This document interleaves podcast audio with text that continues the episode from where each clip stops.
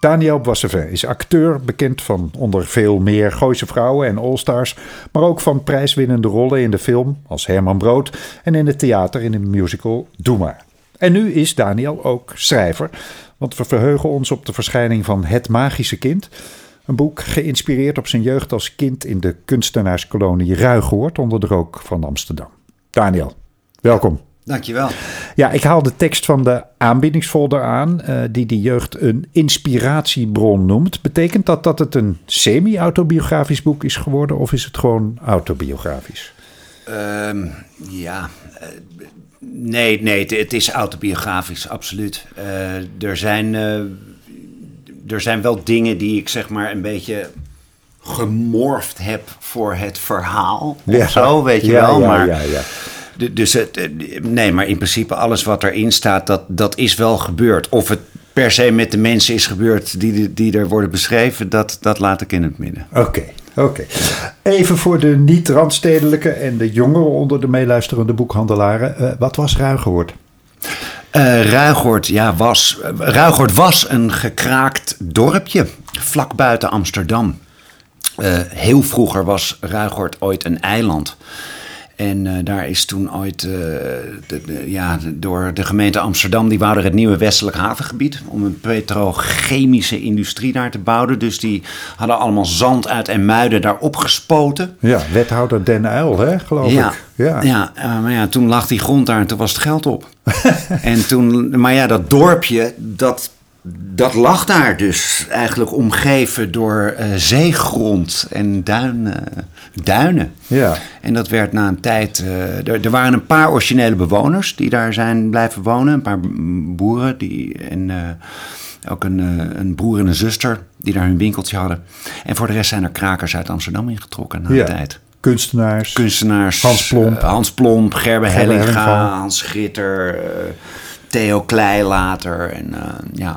Ja, jaren 60 hebben we het over. Hè? Jaren, Eind 60, hebben we het over. Ja, Allemaal ja, ja, kleuren, kleurrijke figuren. Bonte en- figuren. En hoe raakte jij daar verzeild? Ik raakte daar verzeild eh, met mijn eh, moeder en mijn stiefvader. Tweede vader, of eh, ja, hoe je het dan ook noemt. Eh, de nieuwe vriend van mijn moeder. Wij gingen samen, zijn wij daar eh, naartoe verhuisd. Er was een huisje, bleek daar vrij te zijn. En het verhaal van mijn moeder is dat ze mij ooit de keuze voorlegde van... of we kunnen op wintersport, of we kunnen in Ruigoord gaan wonen. En volgens haar koos ik voor het laatste. ja. En hoe oud was je toen? Ik was toen denk ik een jaar of vijf, zes of zo. En ja. had je alles geskiet? Wist je waar je voor moest kiezen? Uh, nee, waarschijnlijk niet. Nee, nee, nee, maar ik, ja, god, ik had natuurlijk wel uh, vriendinnetjes al die, die daar al woonden, weet je wel. Dus ik kende wel mensen die Want daar. je moeder al, zat in die scene. Ja, of, of de, de Ger, Gerben, die woonde er toen al bijvoorbeeld met zijn vrouw en uh, hun dochter, die kende ik toen. Ja, ja, ja, ja. Dus je koos eigenlijk voor je vriendjes en vriendinnetjes. Dat denk ik wel, ja. Ja. ja, ja. En toen kwam je daar terecht. Wat, ja, het, is een grote vraag en je hebt er een boek over geschreven. Maar wat kenmerkte die jeugd? Uh, ja, die, die jeugd kenmerkte. Wij, wij, hadden de, wij hadden een mega grote speelplaats natuurlijk. Dat, dat, uh, en wij hadden ouders die. Uh, ja, die eigenlijk door hippies, weet je. En die waren uh, bezig uh, met zichzelf en weet ik veel wat. En uh, nou ja, niet weet ik veel wat, maar bezig met vrijheid en het leven te vieren. En die hadden eigenlijk in Ruigoord hun paradijs gevonden. Dus daar was een plek waar, ja, waar niemand, uh, ja, waar je kon doen waar je zin in had eigenlijk. Waar je gewoon vrij was om te zijn wie je wilde zijn. Ja, en wat, wat betekende dat voor jou? Wat voor, wat voor vorm uh, nam jij aan in die vrijheid? Uh, ja, in die vrijheid, een, een, ja, een vorm aan van, de, de, nou ja, gewoon de, als kinderen was je de hele dag buiten, zeg maar. Wij waren heel erg, ja, sp spelen de hele dag. Hutten bouwen, bomen klimmen, weet ik veel wat, weet je. Over de zandvlakte, dat was natuurlijk een soort oneindig gebied in mijn jeugd. Ja. ja. En, uh, Ging je naar school? Ja, ja, ik ging wel naar school. We gingen wel naar school. Ja, we gingen naar school in Spaarndam. Een uh, dorpje, zes kilometer buiten, het, uh, buiten Ruigort. En een klein vissersdorpje. Ja.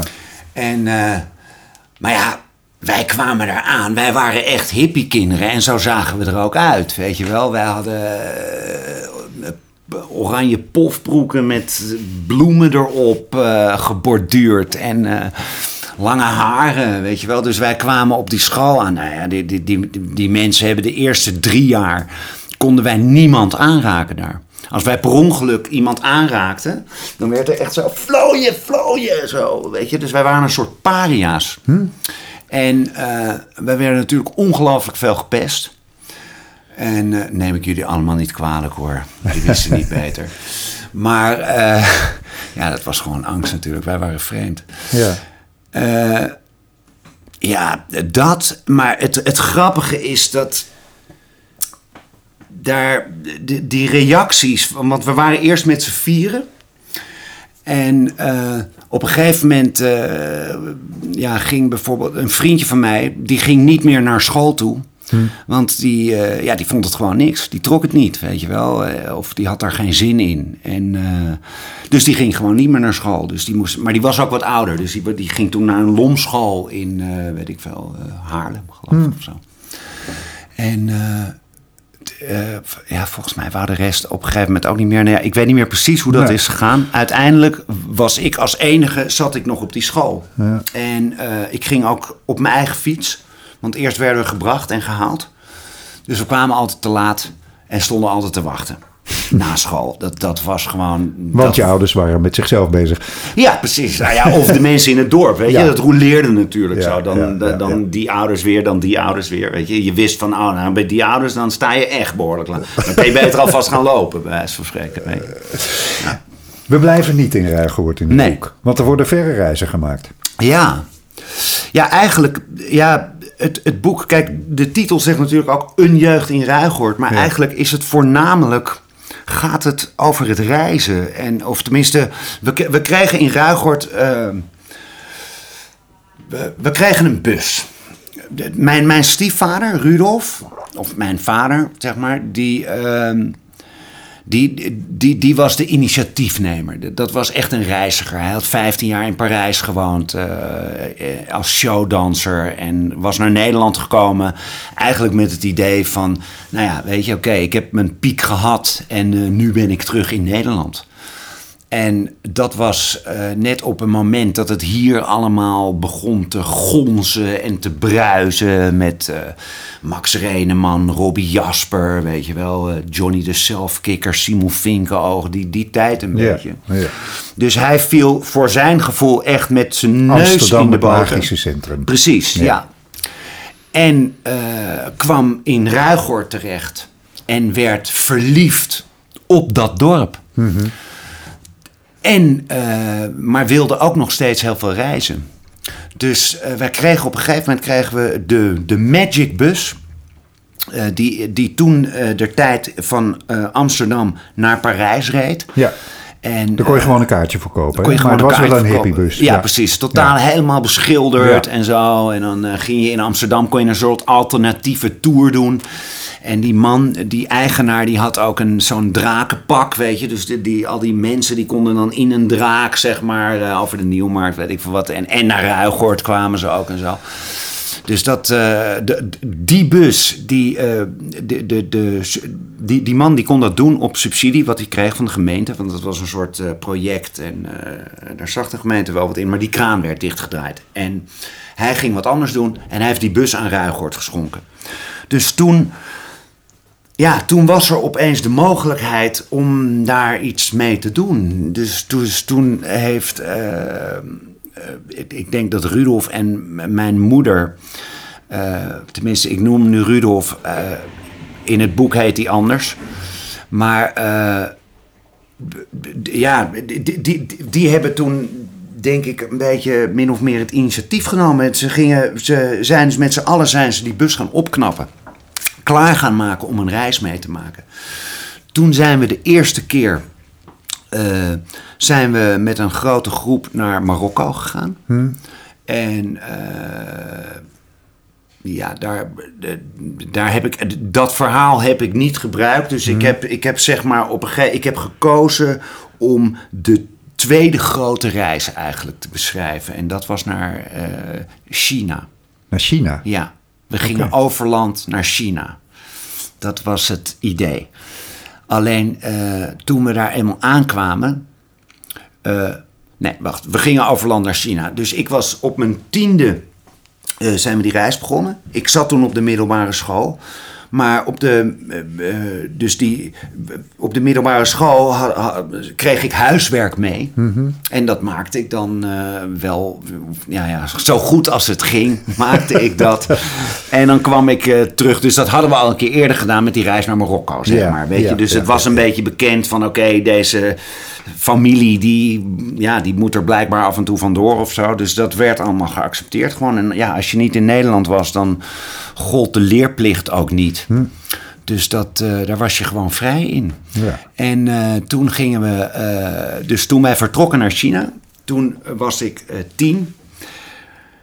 En toen, die reis, die heeft alles bij elkaar, heeft die drie jaar geduurd.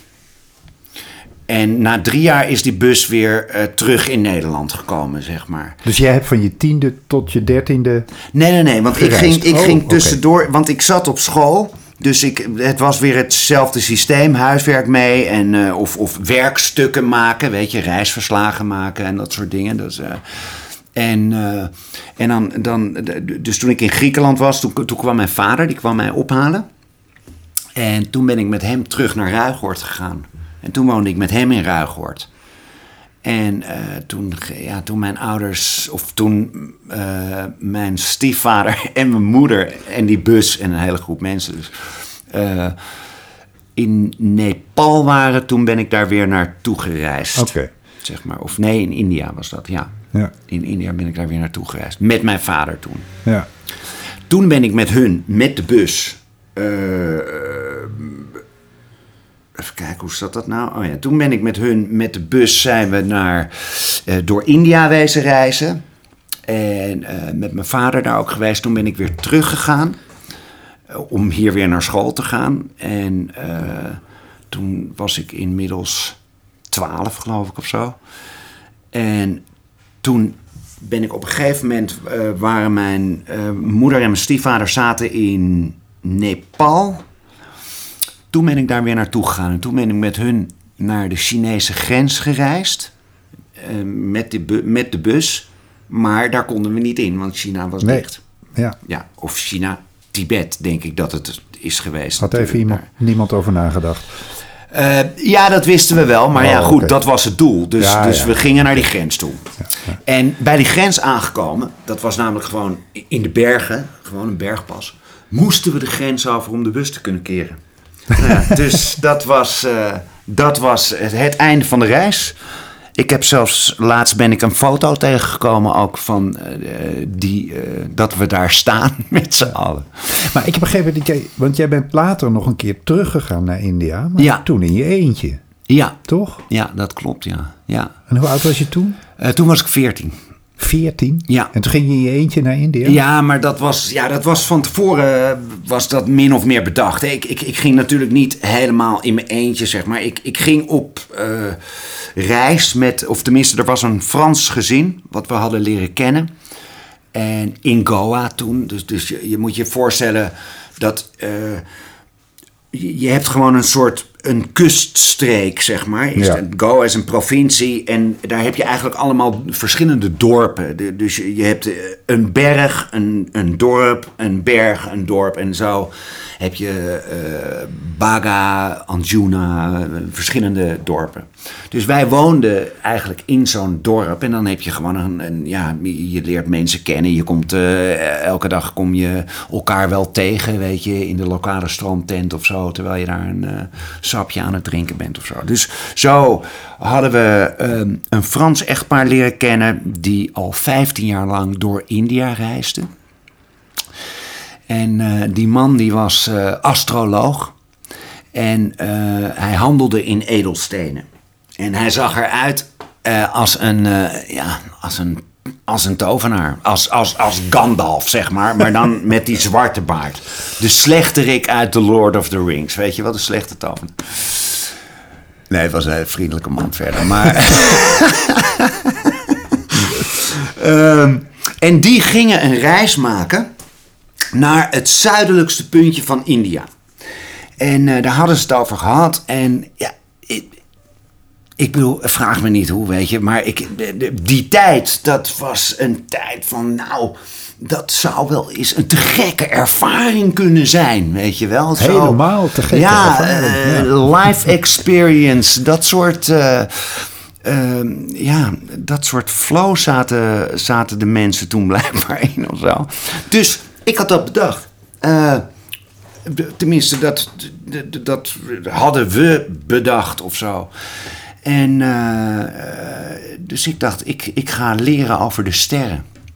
En over het handelen in edelstenen. Helemaal te gek. En uh, nou, dan heb ik die kennis gewoon, weet je. Dat kan ik dan ergens parkeren. En dan, wie weet, komt dat ooit nog eens van pas. Fantastische ervaring. Nog nooit geweest in het zuidelijkste puntje van India. Let's go. Op je veertiende. Ja, had ik bedacht. Dus toen gingen we inmiddels, gingen we, uh, dus in die tussentijd uh, gingen we terug naar Nederland.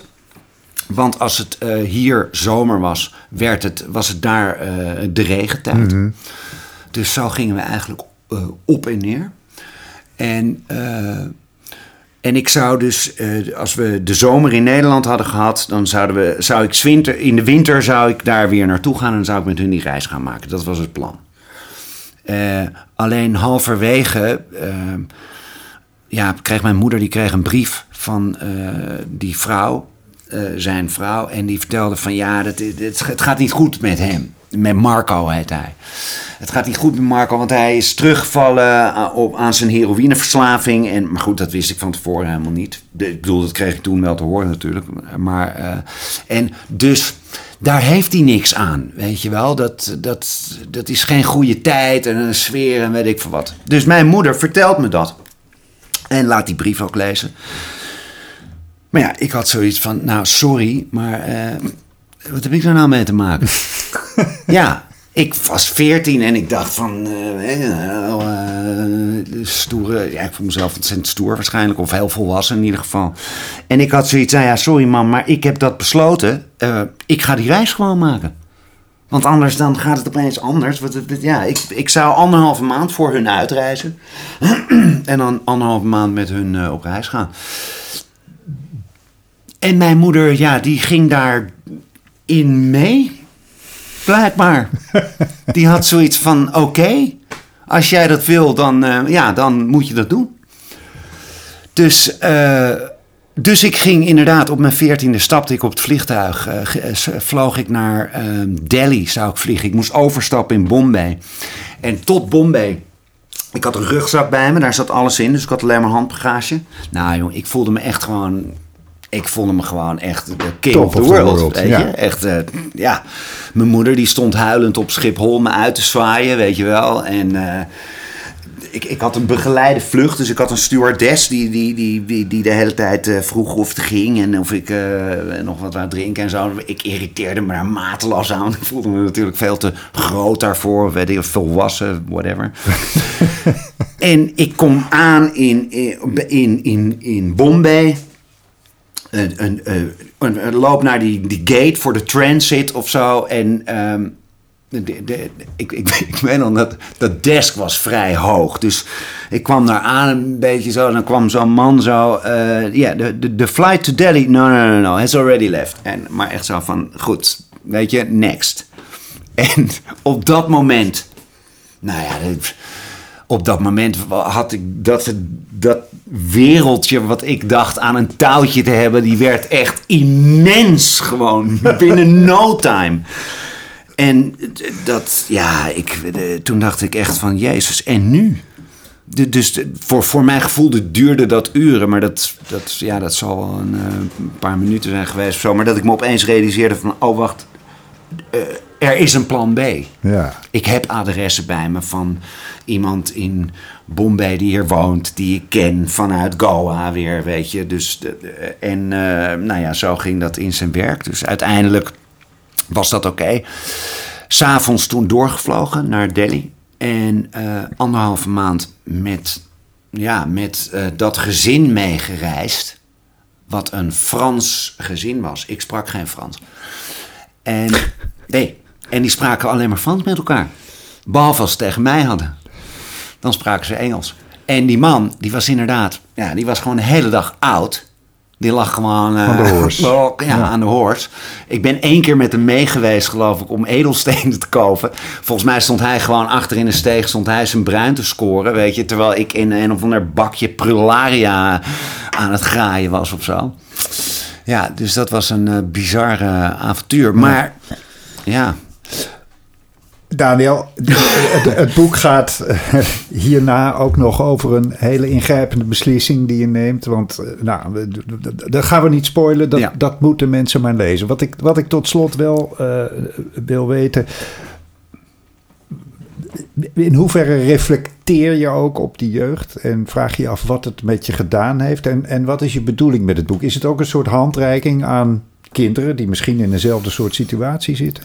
Dat, dat zou heel mooi zijn, ja. Het zou heel mooi zijn als mensen wat, ja, er iets uit kunnen halen. Dat, ja, dat zou prachtig zijn. Maar uh, het, het is een, een inkijk in een, een, een, een, ja, een tijd eigenlijk, of een, of een tijdsbeeld. Ja. Maar dan... Uh, ja, vanuit de, vanuit de jeugd. Dus, ja. dus en, en ik, ik heb wel, dat, dat, dat merk ik wel. Ik, ik kan wel als ik. Ik denk dat dat vrij universeel is. Want het is natuurlijk, kijk, aan de ene kant. Aan de ene kant is het extreem natuurlijk. Ik was niet op mijn veertiende uh, in India. Nee, nee, nee. maar, maar, nee, maar, maar, maar bijvoorbeeld uh, opgroeien met gescheiden ouders of mm. zo, weet je. Of, of het gevoel hebben dat je heen en weer... Ik bedoel, dit is inderdaad nogal extreem. Want je stapt echt letterlijk in een vliegtuig... of je gaat helemaal naar de andere kant van de wereld toe.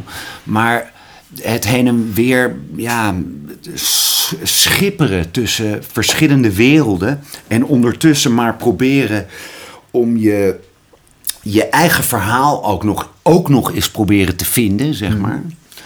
Dat, uh, ik, ik denk dat dat een vrij universeel iets is. Het Magische Kind van Daniel Bossevin verschijnt op 31 oktober. Dankjewel, Daniel. Heel graag gedaan.